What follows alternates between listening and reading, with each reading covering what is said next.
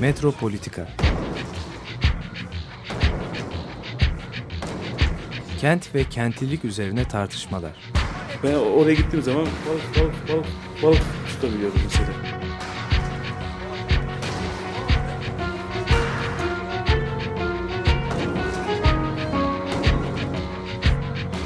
Hazırlayan ve sunanlar Aysim Türkmen ve Korhan Gümüş. Takusuyor ya. kolay kolay boşaltamadı. Yani elektrikçiler terk etmedi Perşembe Pazarı merkezini.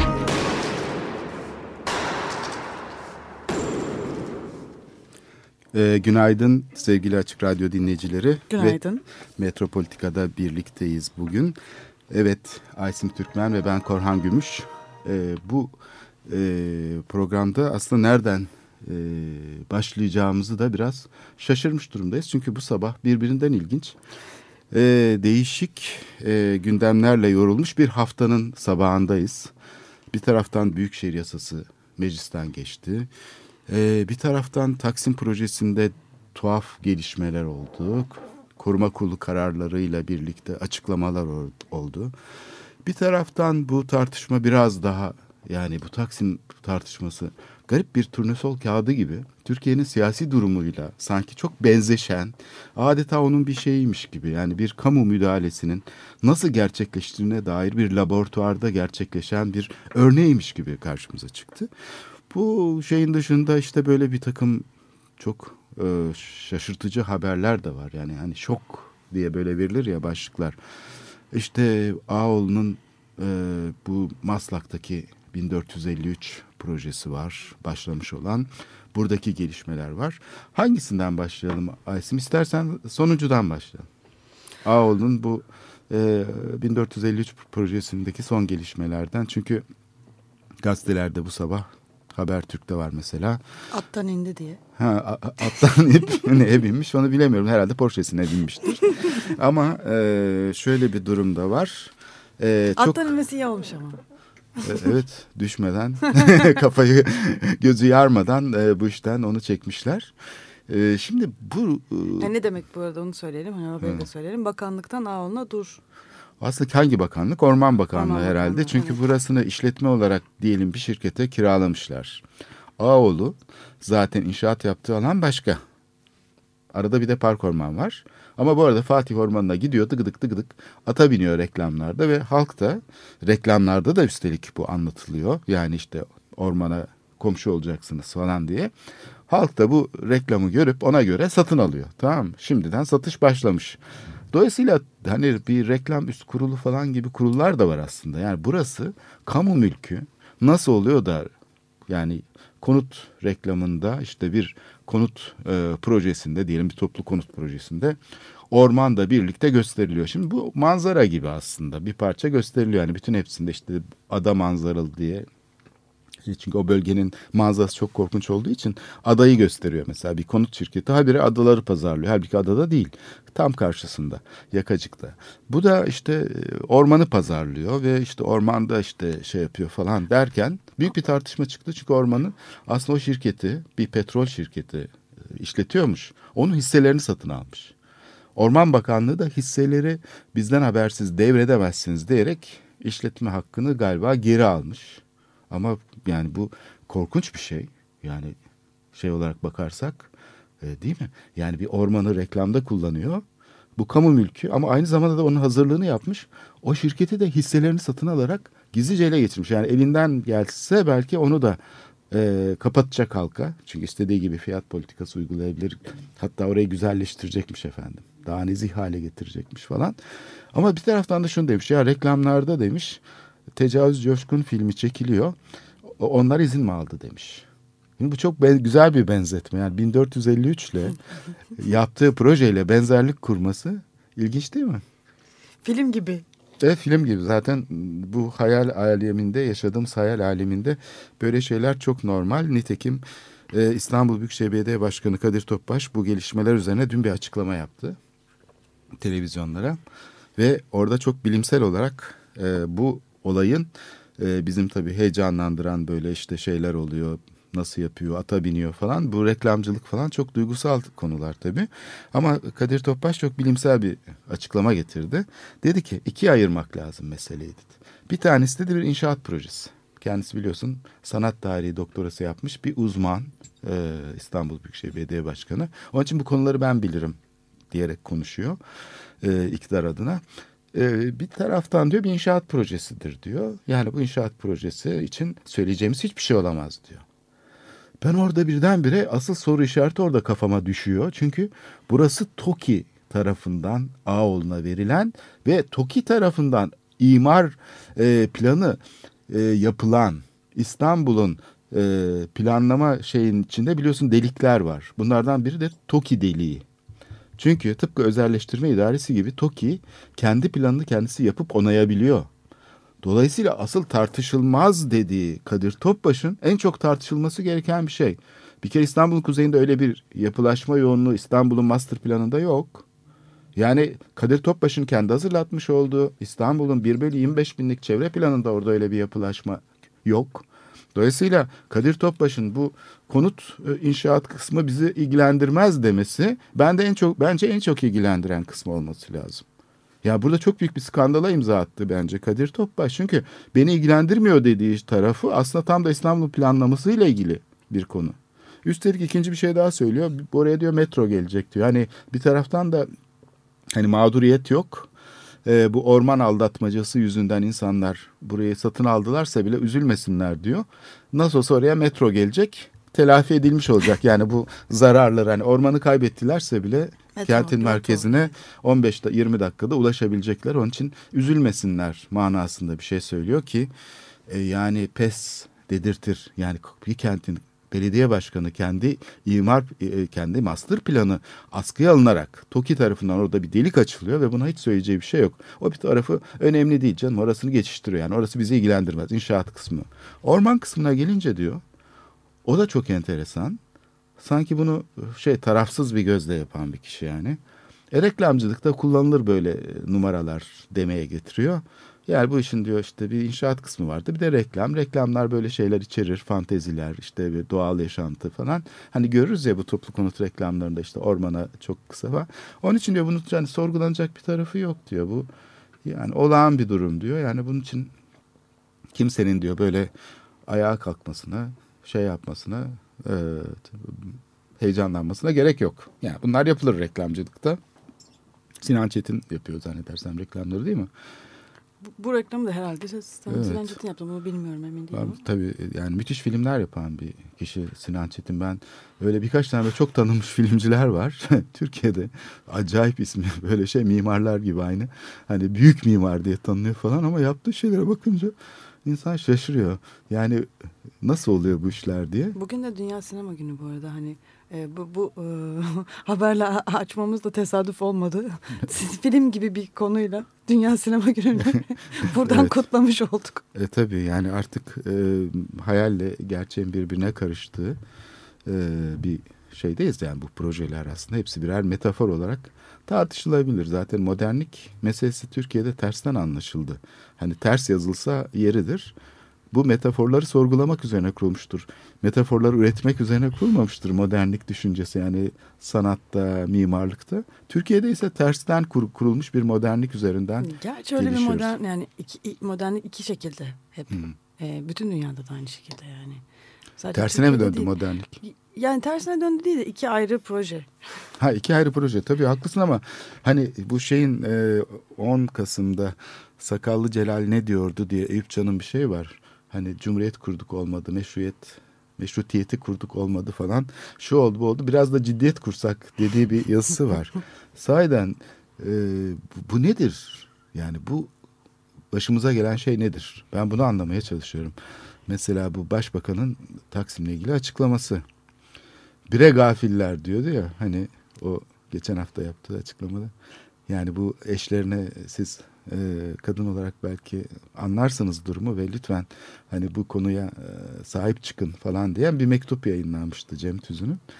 Ondan sonra e, Tayyip Erdoğan'ı herhalde bu şey ilgilendiriyor. Mahrem bir konu olduğu için aileye nüfuz edilmesine yani mesela kamu alanında desen ki bu proje tartışılması gereken bir projedir. Hiç ilgilenmiyor ama ne zaman ki işte eşlerine bir mektup yazılıp lütfen sizden yardım bekliyoruz dendi. O zaman bir e, şey olarak e, erkek olarak herhalde şey hassas bir noktası var.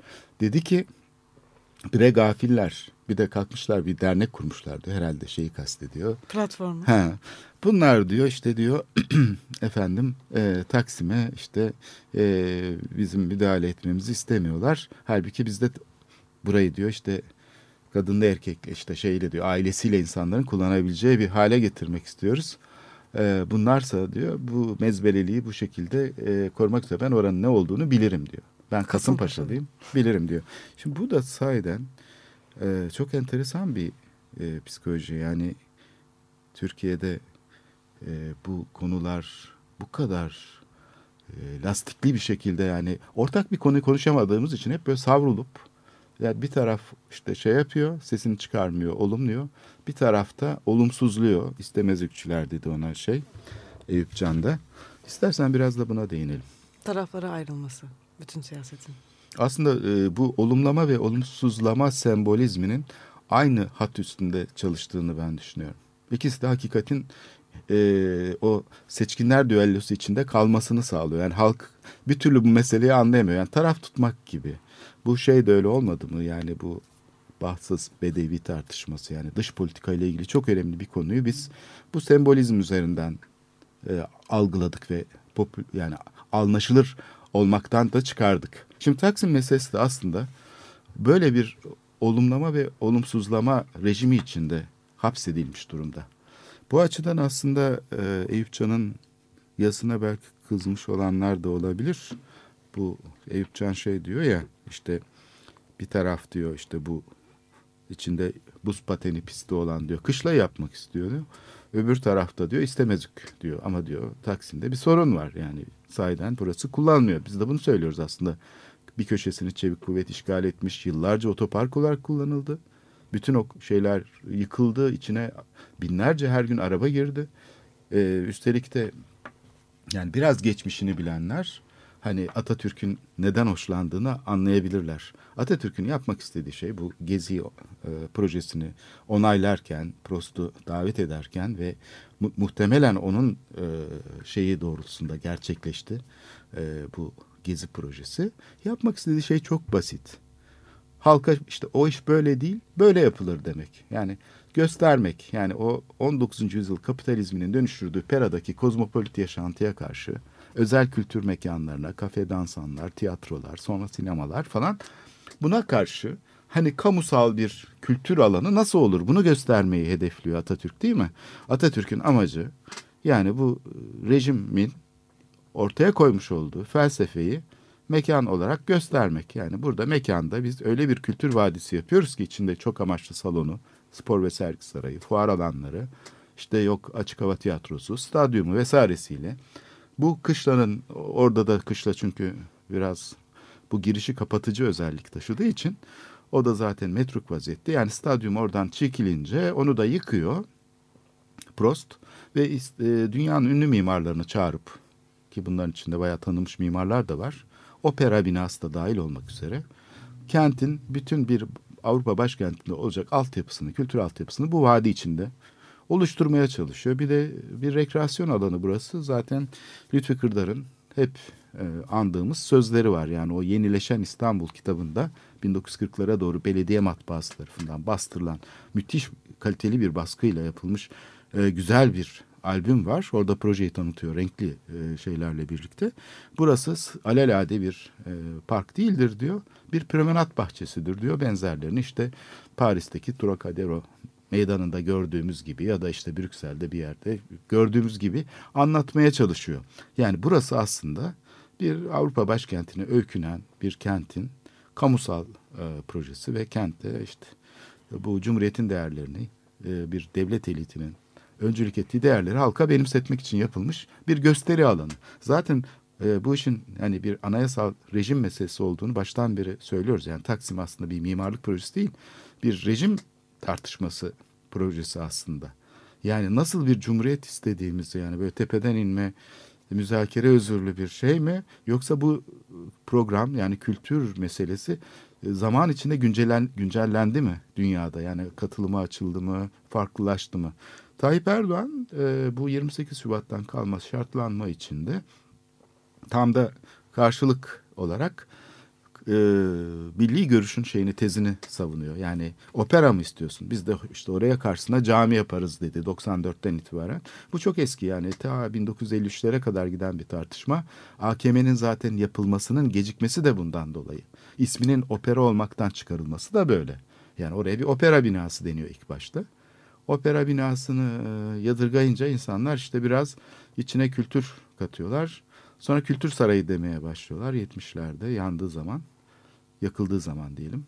Ondan sonra da Atatürk diyorlar ki hani daha sağlam olsun temelleri şey olmasın diye yani işte bu tartışmaya kurban gidiyor çünkü genellikle ve 80'lerden sonra da Atatürk Kültür Merkezi olarak zaten te, iyice tescillenmiş oldu.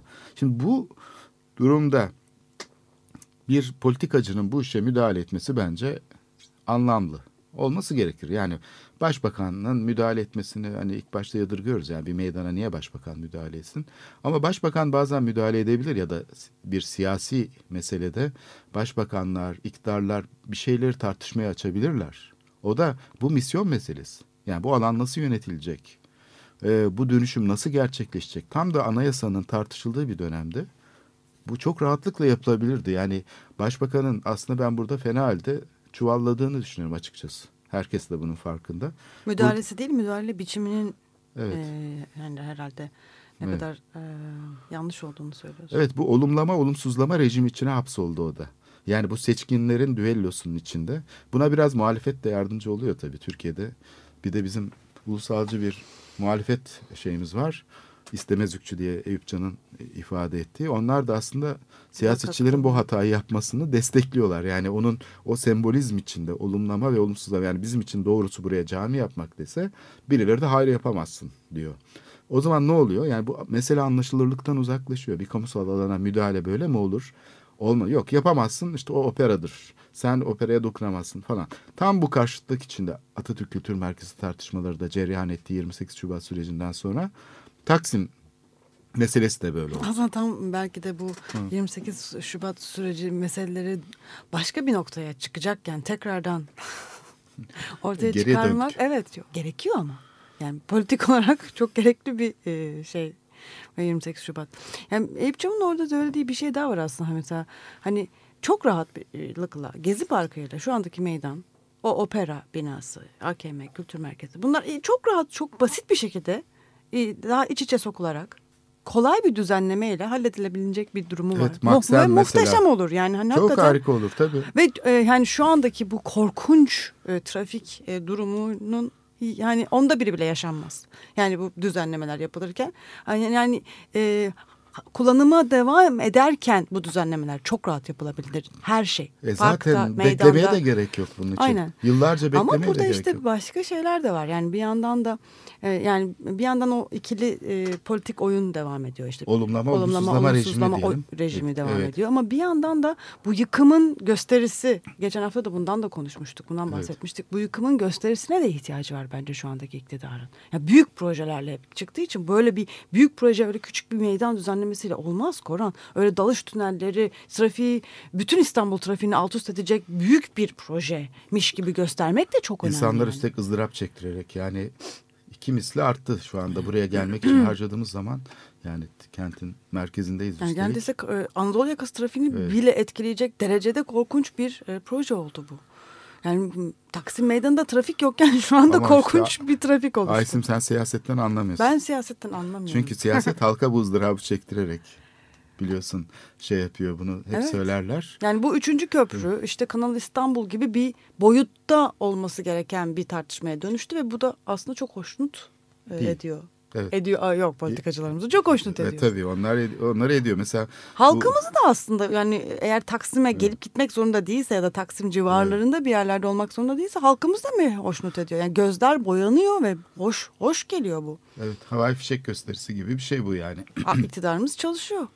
Şeyde biliyorsun bu Yıkıyor. Paris'e sen geçen hafta değinmiştin Paris'te Osman'ın yaptığı değişikliklere yani 1848 e, devriminden sonra e, tabii e, kral ailesiyle birlikte İngiltere'ye kaçıyor.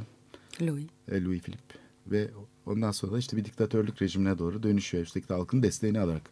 O sırada periferide bulunan bir kişi Osman. Yani merkez entelektüel, o sosyalist elit falan, sanat grupları, şairler falan. O gruplara karşı da mesafeli duran bir kişi. Aynı bugün bizim siyasi durumda gördüğümüz gibi. Onun için o Paris'e dışarıdan gelip müdahale eden bir kişi. Yani periferiden gelip bir fetih harekatı gibi aslında. Onun bir şey dikkatimi çekti. Yani mimarla ilişkisi. Mimarlar çalıştırıyor Osman ama mimarlar işte e, imparatora da yani aslında diktatöre diyelim ya da Bonaparte'a e, şey yapıyorlar. E, bilgi veriyorlar. Mesela bu Haller binası ile ilgili kısma baktım. Haller e, binası e, eskiden dağınık bir şekilde duran kentin içindeki bu hal yani işte gıda e, şeyinin e, dağıtım merkezinin oluşturulması önemli bir şey. İstanbul'da da buna benzer işte mezba kuruluyor şey yapıyor falan. Ama hal binası daha yapılır yapılmaz yıkılıyor. Ve aynı mimara tekrar yaptırılıyor. Bu da çok ilginç bir gösteri. Yani halk hal binasını o kadar önemsiyor buna bir kale diyor. Ama e, imparator bunu beğenmiyor. Diyor ki ya diyor bu mimar diyor burada diyor biz benim istediğim kadar değişik bir şey yapmamış. Onun için yık diyor. Yaptığı şeyi bir daha yıktırıp bir daha yapıyor. Yani şimdi bu Türkiye'de de çok olağan bir şey. Tam emperyal politikalar yani bunlar. Yani göz e, emperyal bir biçimde bir gösteri yaratmak. Bu çok e, farklı bir boyut. Yani bütün imparatorlukların yaptığı bir şey. Yani kapitalizm im- kapitalizmin imparatorluğu da aslında bu büyü olayını, emperyal büyü olayını çok ciddi bir şekilde kullanıyor. Bir de yaygınlaşıyor yani bir bulaşıcı bir şey. Mesela bu Şanzelize meselesi Türkiye'de hep söylenip durur. Bir taraftan Henri Prost'u sevmez bizim şeyler, muhafazakar politikacılar ama Şanzelize'yi çok severler. Nedense işte tarla başını Şanzelize yapacağız dedi. Kadir Topbaş söyledi, e, şey söyledi. Dalan zamandan beri bir Şanzelize edebiyatı gidiyor. Ben ondan öncesini bilmiyorum.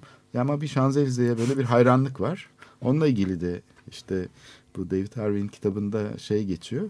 Yani ilk başta 36 metre mi olsun genişliği falan diye konuşuyor. Bu Etoile Meydanı, Arc de Triomphe'un olduğu şey bir merkez olarak şekillenirken e, bütün yolların e, ona doğru e, şey yaptığı, çıktığı bir merkez. Şanzelize tabii ana kulvar ama anıtla bitiyor tabii o da. Anıtın etrafında bir yuvarlak var. Aynı bizim Taksim Cumhuriyet Anıtı'nın büyüğü gibi. E, benziyor da şekli aslında. Onun içinde insanlar yok ama e, Arc de Triomphe'un bizimkinin içinde insanlar da var. Sonuçta işte kemerli bir yapı. Roma öykünmesi. Selçuklu var bizimkinin içinde. Onlarınkinde biraz Roma var. E, ve o yap, yolun genişliğine 36 metreyi yetersiz buluyorlar. 136 olsun. Araya bir 100 ekliyorlar. Mesela böyle e, şeyler yani büyüklük üstüne kurulmuş. Aslında yenilik üstüne kurulmuyor. Şimdi Taksim'deki meselede hiçbir zaman Yenilik buradaki de var. O büyük yani Evet. yeni olan o büyük ölçek ölçek evet. ölçek değişimi. Evet. Alıştığımız Evet. ölçeği değiştirmek. Evet. Bu arada şey de çok enteresan. Yani mesela Osman hani tek e, bizim o dönemle ilgili bildiğimiz tek e, figür Osman. Halbuki aslında Paris'in dönüşümüyle ilgili bir sürü alternatif proje var. Bir sürü alternatif düşünce de var. Ama Osman hep kendisini tekmiş gibi göstertiyor ve e, aslında o tekilleşiyor o projenin büyüklüğü sayesinde de tekilleşiyor. Bu da çok yani ilginç bir noktası Paris dönüşümünün. Evet bir star haline geliyor değil mi aslında? Yani dönemin şeyi haline geliyor. Tartışılmaz otoritesi bu işi bilen. Onu yani onu da kendisi de oluşturuyor söylemleri. Yani gelen Ağoğlu'nun yaptığı gibi bu böyle olmaz, böyle proje olmaz, şöyle proje olmaz şeklinde davranıyor bütün diğer Ee, alternatiflere de. anlatıyorlar onları zaten yani öyle bir şeye sahip ki hani ilk ağzı yani dudaklarının içinde birçok şey hani bizim Menderes yıkımları sırasında aslında Menderes'in muhafazakar bir lider olduğunu düşünürüz ama son derece modernist bir e, lider aynı zamanda. Çünkü İstanbul'un altın üstüne getiriyor. Taş atarak şuraya kadar yıkın falan diyor mesela. Yani o- bizde başbakanlar genellikle şehirle e, haşır neşir oluyorlar. Orada da Ee, imp- belediye imparator, başkanları biraz Napolyon. gölgede kalıyor. Yani evet. Osman'ı Osman yapan Napolyon. Yani aslında e, her zaman şehir çok önemli. Şehir düzenlemesi bütün e, politik iktidarlar için. Evet. Biraz e, acaba yani Prost'a benzetiyoruz ama Prost'un e, Hristiyan olması diyelim ya da Hristiyan olmasa bile Avrupalı olması e, belki bu milli programda bir çelişki yarattığı için Osman gibi Prost bir şey sahibi olmuyor. Henri Prost Atatürk tarafından görevlendirilen mimar öyle bir güçlü şey olmuyor, figür olmuyor. Ama yaptığı şeyler hep sonra siyasetçiler tarafından kullanılıyor. Mesela Dalan tarafından Prost'un kullanıldığını kimse bilmiyor İstanbul'da. Dalan'ın projesi zannediyor. Halbuki onları Henri Prost düşünmüş. E, Menderes tarafından çok gerçekleştiriliyor. Yani Henri Prost'un düşündüğü birçok şey Menderes zamanında gerçekleşiyor. O da pek fark edilmiyor. Zannediliyor ki Menderes yaptı bu yıkımları vesaire. Halbuki Henri Prost'un yaptığı bir tasarıma göre. Demek ki burada bir siyasi otorite problemi de var. Henri Prost'un tu bünye tam kabul etmiyor. Atatürk Kültür Merkezi'nde mesela bu kadar uzun sürmesi, Henri Prost'un getirdiği mimarın yapamaması bunun bir göstergesi aslında. Kısa bir müzik arası verelim mi? Evet verelim. The State of Shock'tan dinliyoruz. Pardon, The X'ten dinliyoruz. State of Shock. I'm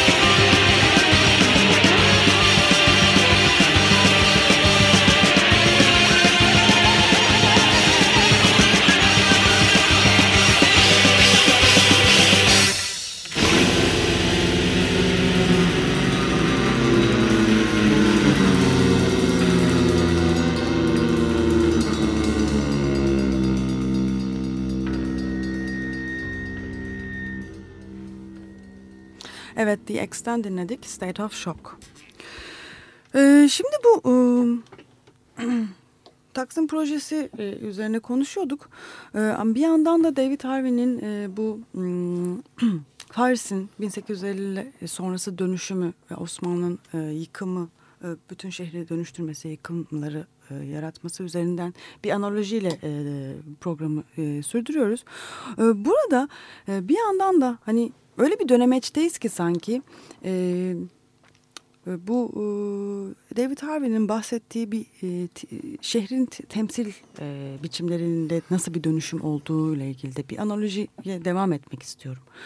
E, şimdi e, Balzac'ın bir Paris e, edebiyatçısı olduğunda herhalde hemfikiriz. E, Balzac e, şehrin kapitalistleşme sürecini nasıl e, hani dönüştüğünü, nasıl e, tek tek bireyleri, tek tek sokakları, detayları, evleri e, dönüştürdüğünü, e, bu kapitalistleşmenin nasıl yaşandığını en güzel anlatan e, yazar. E, ama bir yandan da e, Balzac yani Paris'i anlatırken bütün bu e, e, duruma, bu yeni kapitalistleşen şehre, bu dinamik şehre bir e, vücut, bir organ, bir yaşayan canlı olarak bakıyor. E, bu e, bir yandan canavar ama bir yandan da güzel bir kadın, bir, bir figür, e, yani böyle bütünsel bir e, yaratık olarak e, orta, ortaya çıkıyor. Bu bakış açısını Osman ve Osman'la birlikte hareket eden e, finansçılar, işte spekülatörler ve büyük iş adamları bunu bu, bu temsil biçimini, bu hani e, dominasyon aracı ve e, bir e, tahakküm aracına çeviriyorlar. Bir sınıf projesi haline getiriyorlar. Simgesel rejime, Evet. e, tahakküm rejimine dönüştürüyor değil mi? Balzac bunu e, bu, bu bütün bu süreci temsil ederken bir yandan da oluşmuş e, bu kapitalistleşmeyle oluşmuş olan fetiş durumunu e, aslında sorguluyor. Bu fetiş durumuna penetre ediyor. Bu fetiş durumuna bir yandan müdahale ediyor. Halbuki e, aynı durumu bu bu bakış açısını bu temsil biçimini artık Osman bir reklam aracına çeviriyor. Bir e, başka bir boyuta taşıyor ve bunu da yeniden başka bir tahakküm yani bu temsil biçimi de bir tahakküm alanına çeviriyor. Tam da aslında bu anlamda biz de böyle bir dönüm noktasındayız gibi geliyor. Yani biz 30 senedir aslında İstanbul'da olan bu kapitalistleşme sürecinde e, enteresan e, İstanbul'la bir temsil etme e, İstanbul'u bir temsil etme e, furyasının da içindeyiz. Yani bütün bu bienallerle başlayan bir süreçti. E, sen de e, bunu çok yakından da, e, hem programlarında taşıdın.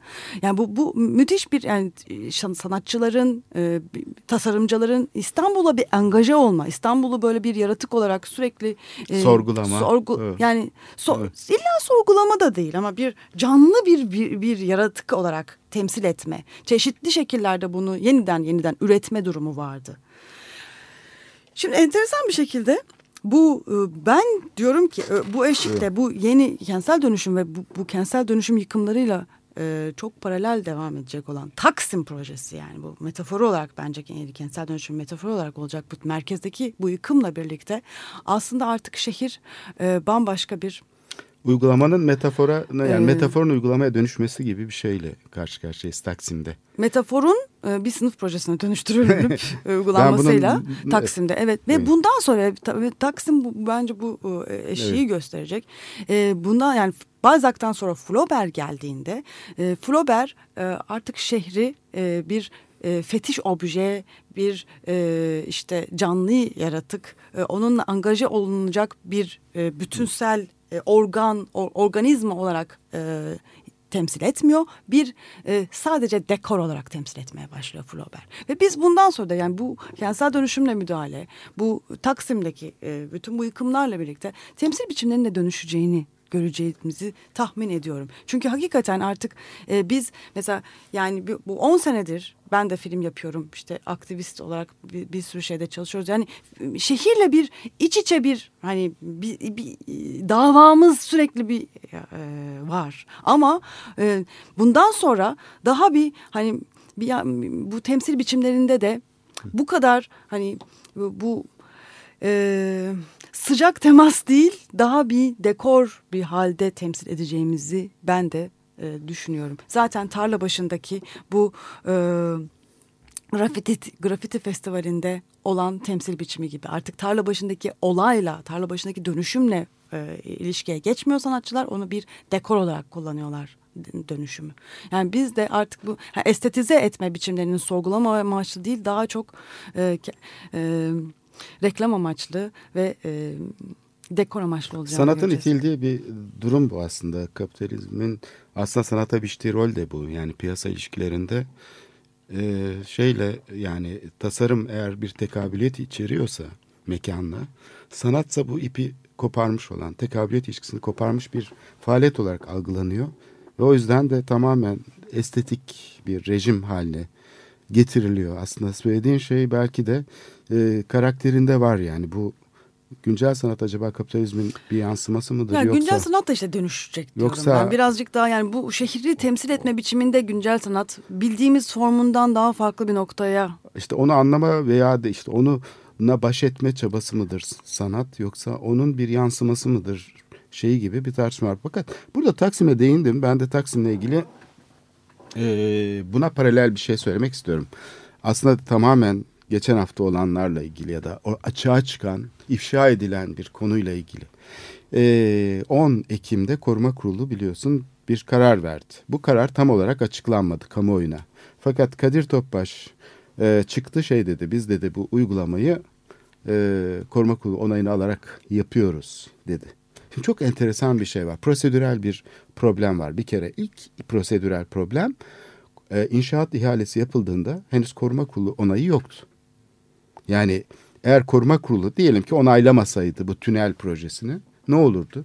E, müteahhit bir tazminat hakkı kazanırdı. Ya burada çok riskli bir durum da var. Koruma kurulu baskı altında aslında bir bakıma ama koruma kurulu umurlarında bile değil.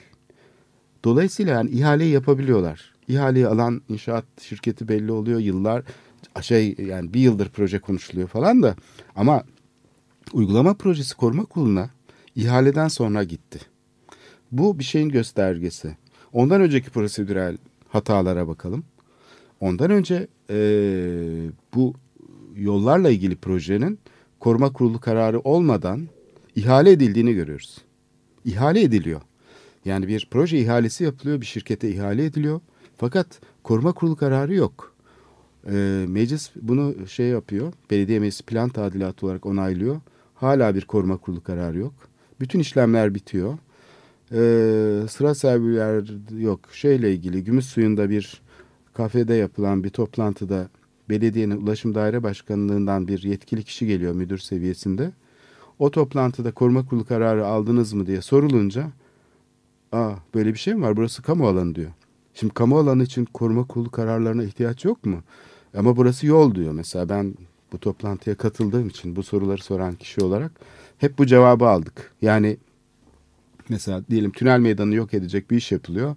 E bu zaten kamu alanı yani burada koruma kurulu kararına gerek mi var? Hani koruma kurulunun kararları hani kazanç peşinde özel sektör falan vardır ya imar yapar. Ona ilişkin bir olaymış gibi anlaşılıyor. Burası asfalt, gümüş suyu. Yani bu tarihsel topografyanın sit alanı kavramı falan bir anlamı yok.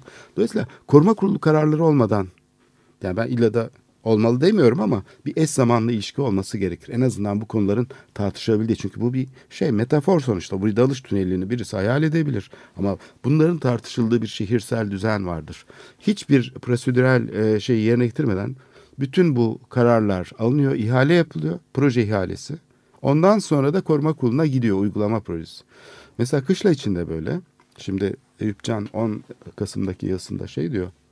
E, yok diyor. Hallolur diyor. Niye e, düşünemiyor falan. E peki bu projeyi ihalesini nasıl alıyor? O aşamada acaba bir karar var mı kışla ile ilgili e, bir avan proje falan koruma kuruluna gitmiş de bir onay alınmış da ondan sonra mı? Yok bir tescil karar var sadece. Bir, birkaç yıl önce alınmış ama ihale yapılır bu iş zaten. Bunun düşünceye, yarışmaya bilmem ne ne ihtiyacı var diye de Kadir Topbaş söylüyor. Şimdi demek ki burada e, temel bir problem var. Metaforları tahakküm şeyleri haline dönüştüren bir rejimin içine girdik. E, ta, tahakküm araçları haline getiren. Bunda aslında olmaz diyen, olumsuzlayan muhalefetin de payı var. Çünkü o da hakikat inşasına katkıda bulunuyor. Çünkü bu rejim e, görüldüğü gibi ihaleyle alıyor bu hizmeti. Halbuki yani kamu alanını tasarlamak yani bir ikon e, şey değildir ki yani bu söyle söz etmiş olduğun gösterinin ikonları bunlar ne kadar gösteri bile olsa her zaman metafor olduklarını belli eden şeylerdir. Metafor oldukları bile belli değil. O bir ulaşım projesi diyor Kadir Topbaş. Onun ne ihtiyacı var koruma kurulu kararına? Ondan sonra ihale yapıyor kışta. O bir restorasyon projesi diyor. Restorasyon dediği olmayan bir binanın yapılması. Burada birçok farklı fikir olabilir. Nitekim bu alan iyi kullanılmıyor. Belki o işte o bağlantıyı kuracak, İstiklal Caddesi'ni kullanan milyonlarca insanı oraya adım atamıyorlar. Oraya çekebilecek cazip bir kültürel alan haline getirebilir falan. Bunları hiç sorgulamadan, bu fırsatı yok ederek, düşünceyi kapatarak bunu sadece bir kışla yani sembolizmine indirgiyor. Ve bunun da ne yani bu kadar sembolik olmasına rağmen bunun da şeyi olur muymuş efendim? Bunun da tartışması olur muymuş? Yapılacak o kadar diyor. Yani bu sembolizmin sembolizmin hakikat rejimine dönüştüğü bir tuhaf bir şey var. Yani e, dönüşüm var bu. Evet. E, bu, bu yani bu, bu noktada da böyle bir hakikat rejimine dönüştüğü noktada da e, boyutlar bu, bu hani bu yıkımların bu dönüşümün boyutları çok büyük olduğu için bütün şehirlerde e, farklı bir hani şehirle ilişki kurma biçimi oluşturacak. Ben biraz da ondan bahsetmeye çalışıyorum. Yani, yani yıkım psikolojisiyle yaşayacağız biz.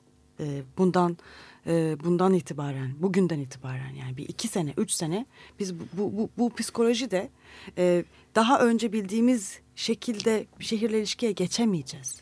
Mümkün değil yani en önemlisi bir defa meydanımız kalmadı yani öyle bir şey yok. Hani kötüydü iyiydi ama bir meydanımız vardı yani değil mi? Şu anda yani Taksim öyle bir şeydi. Hepimiz çıktığımız zaman orada bir hani e, gösteri yürüyüşüne çıkalım. Eğlenceye çıkalım.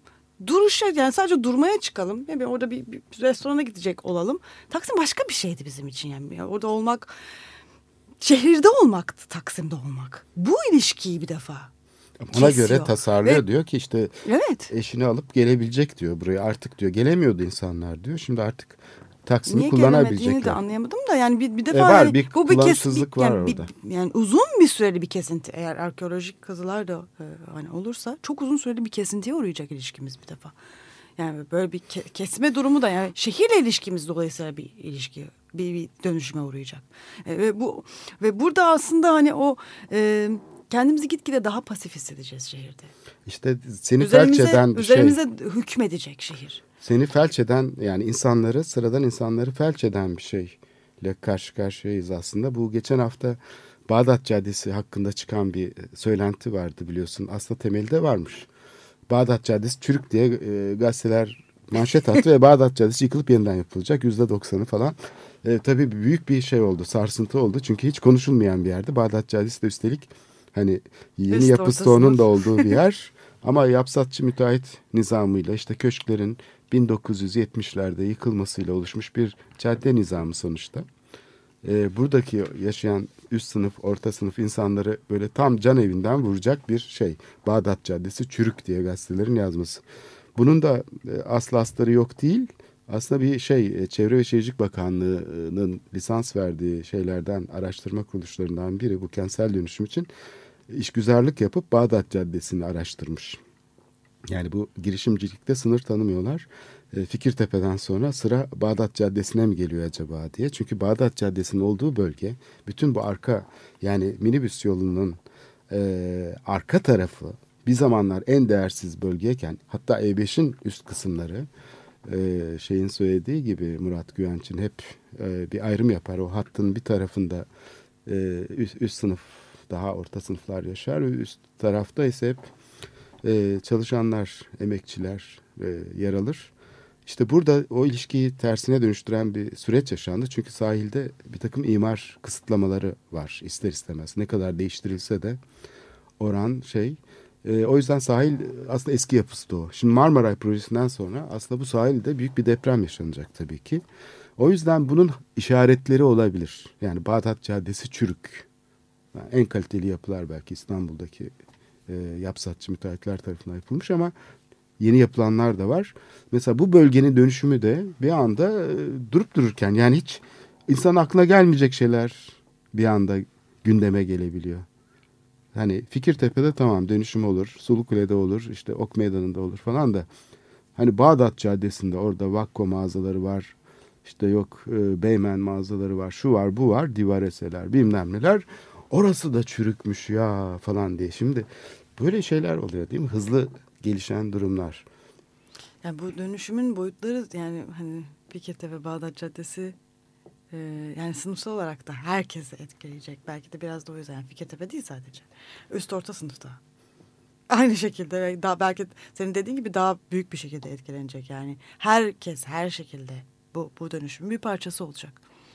E, olmaya başladı tabii. Yani bütün şeye bakarsan yani şu anda bizim formel e, alanımızda bu e, bizim içinde yaşadığımız normlar içinde yani hukuk normları, imar normları içinde, kültür mirası, sanat normları içinde ki dünya çok büzüldü, küçüldü.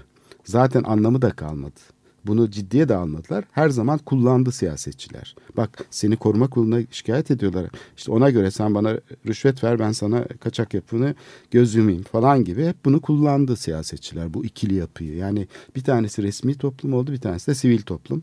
Ve bu sivil toplum tarafı kamu bütçesini geçti artık. Sadece İstanbul'daki imar planı tadilatlarıyla elde edilen gelir şu anda de, devlet bütçesinden daha büyük bir gelir. O yüzden hani belediyelerin mesela ne bileyim bütçesi küçük bir belediyenin bütçesi o kadar önemli değil.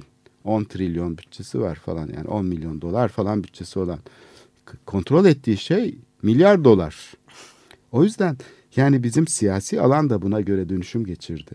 Türkiye'nin siyaseti de bu formel alanla e, resmi toplumu temsil eden işte partilerle, statükocu partilerle sivil toplumu temsil eden güya işte e, bu temsil rejiminin e, dinamizmini yani periferinin işte şeye gelmesini falan iktidara gelmesini sağlayan ikinci bir e, temsil rejimi oluştu.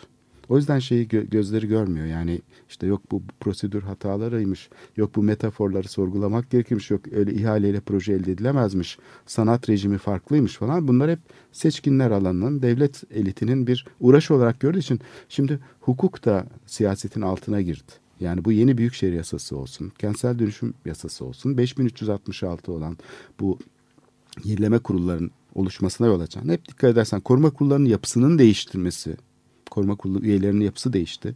Artık çoğunlukta değil e, üniversiteler tarafından atanan üyeler, bürokratlar var. Dolayısıyla bu yeni temsil rejimi şeyin içine işte koruma kurulunun içine bir tane de hukukçu koyalım diyor.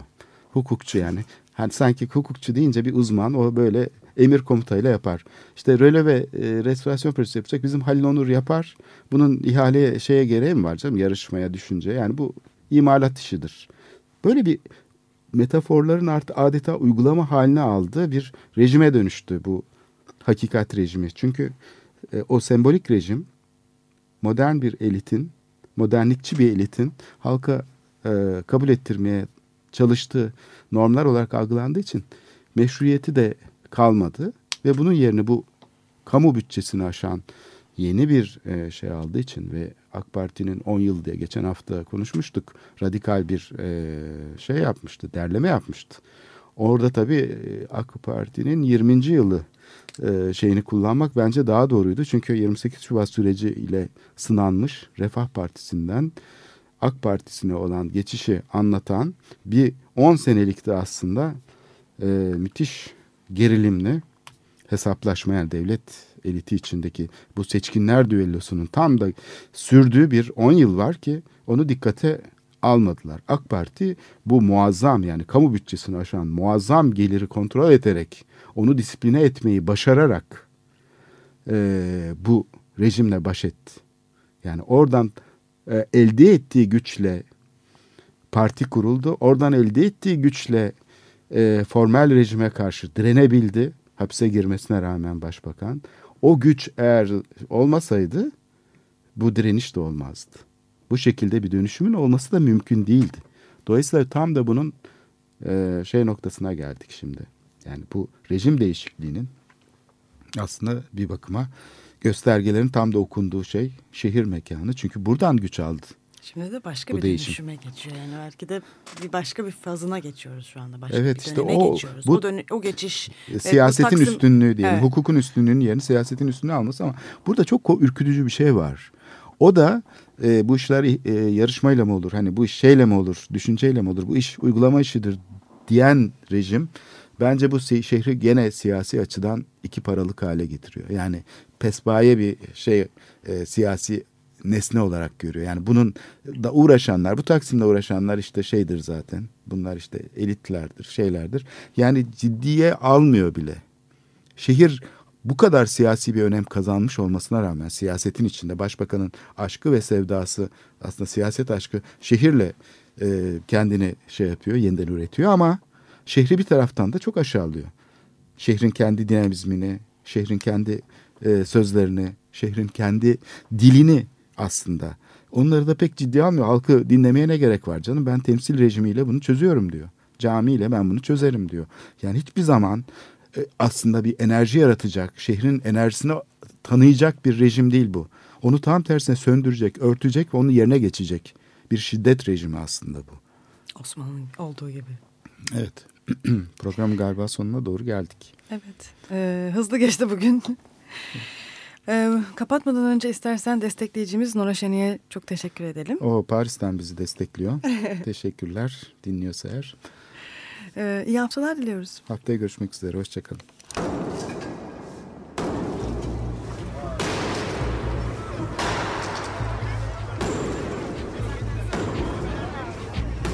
Metropolitika Kent ve kentlilik üzerine tartışmalar. Ben oraya gittiğim zaman balık balık balık balık tutabiliyordum mesela.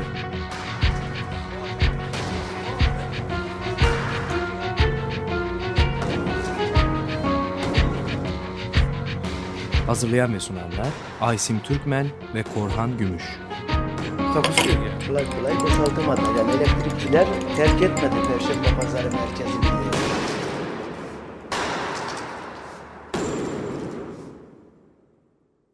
Açık Radyo program destekçisi olun.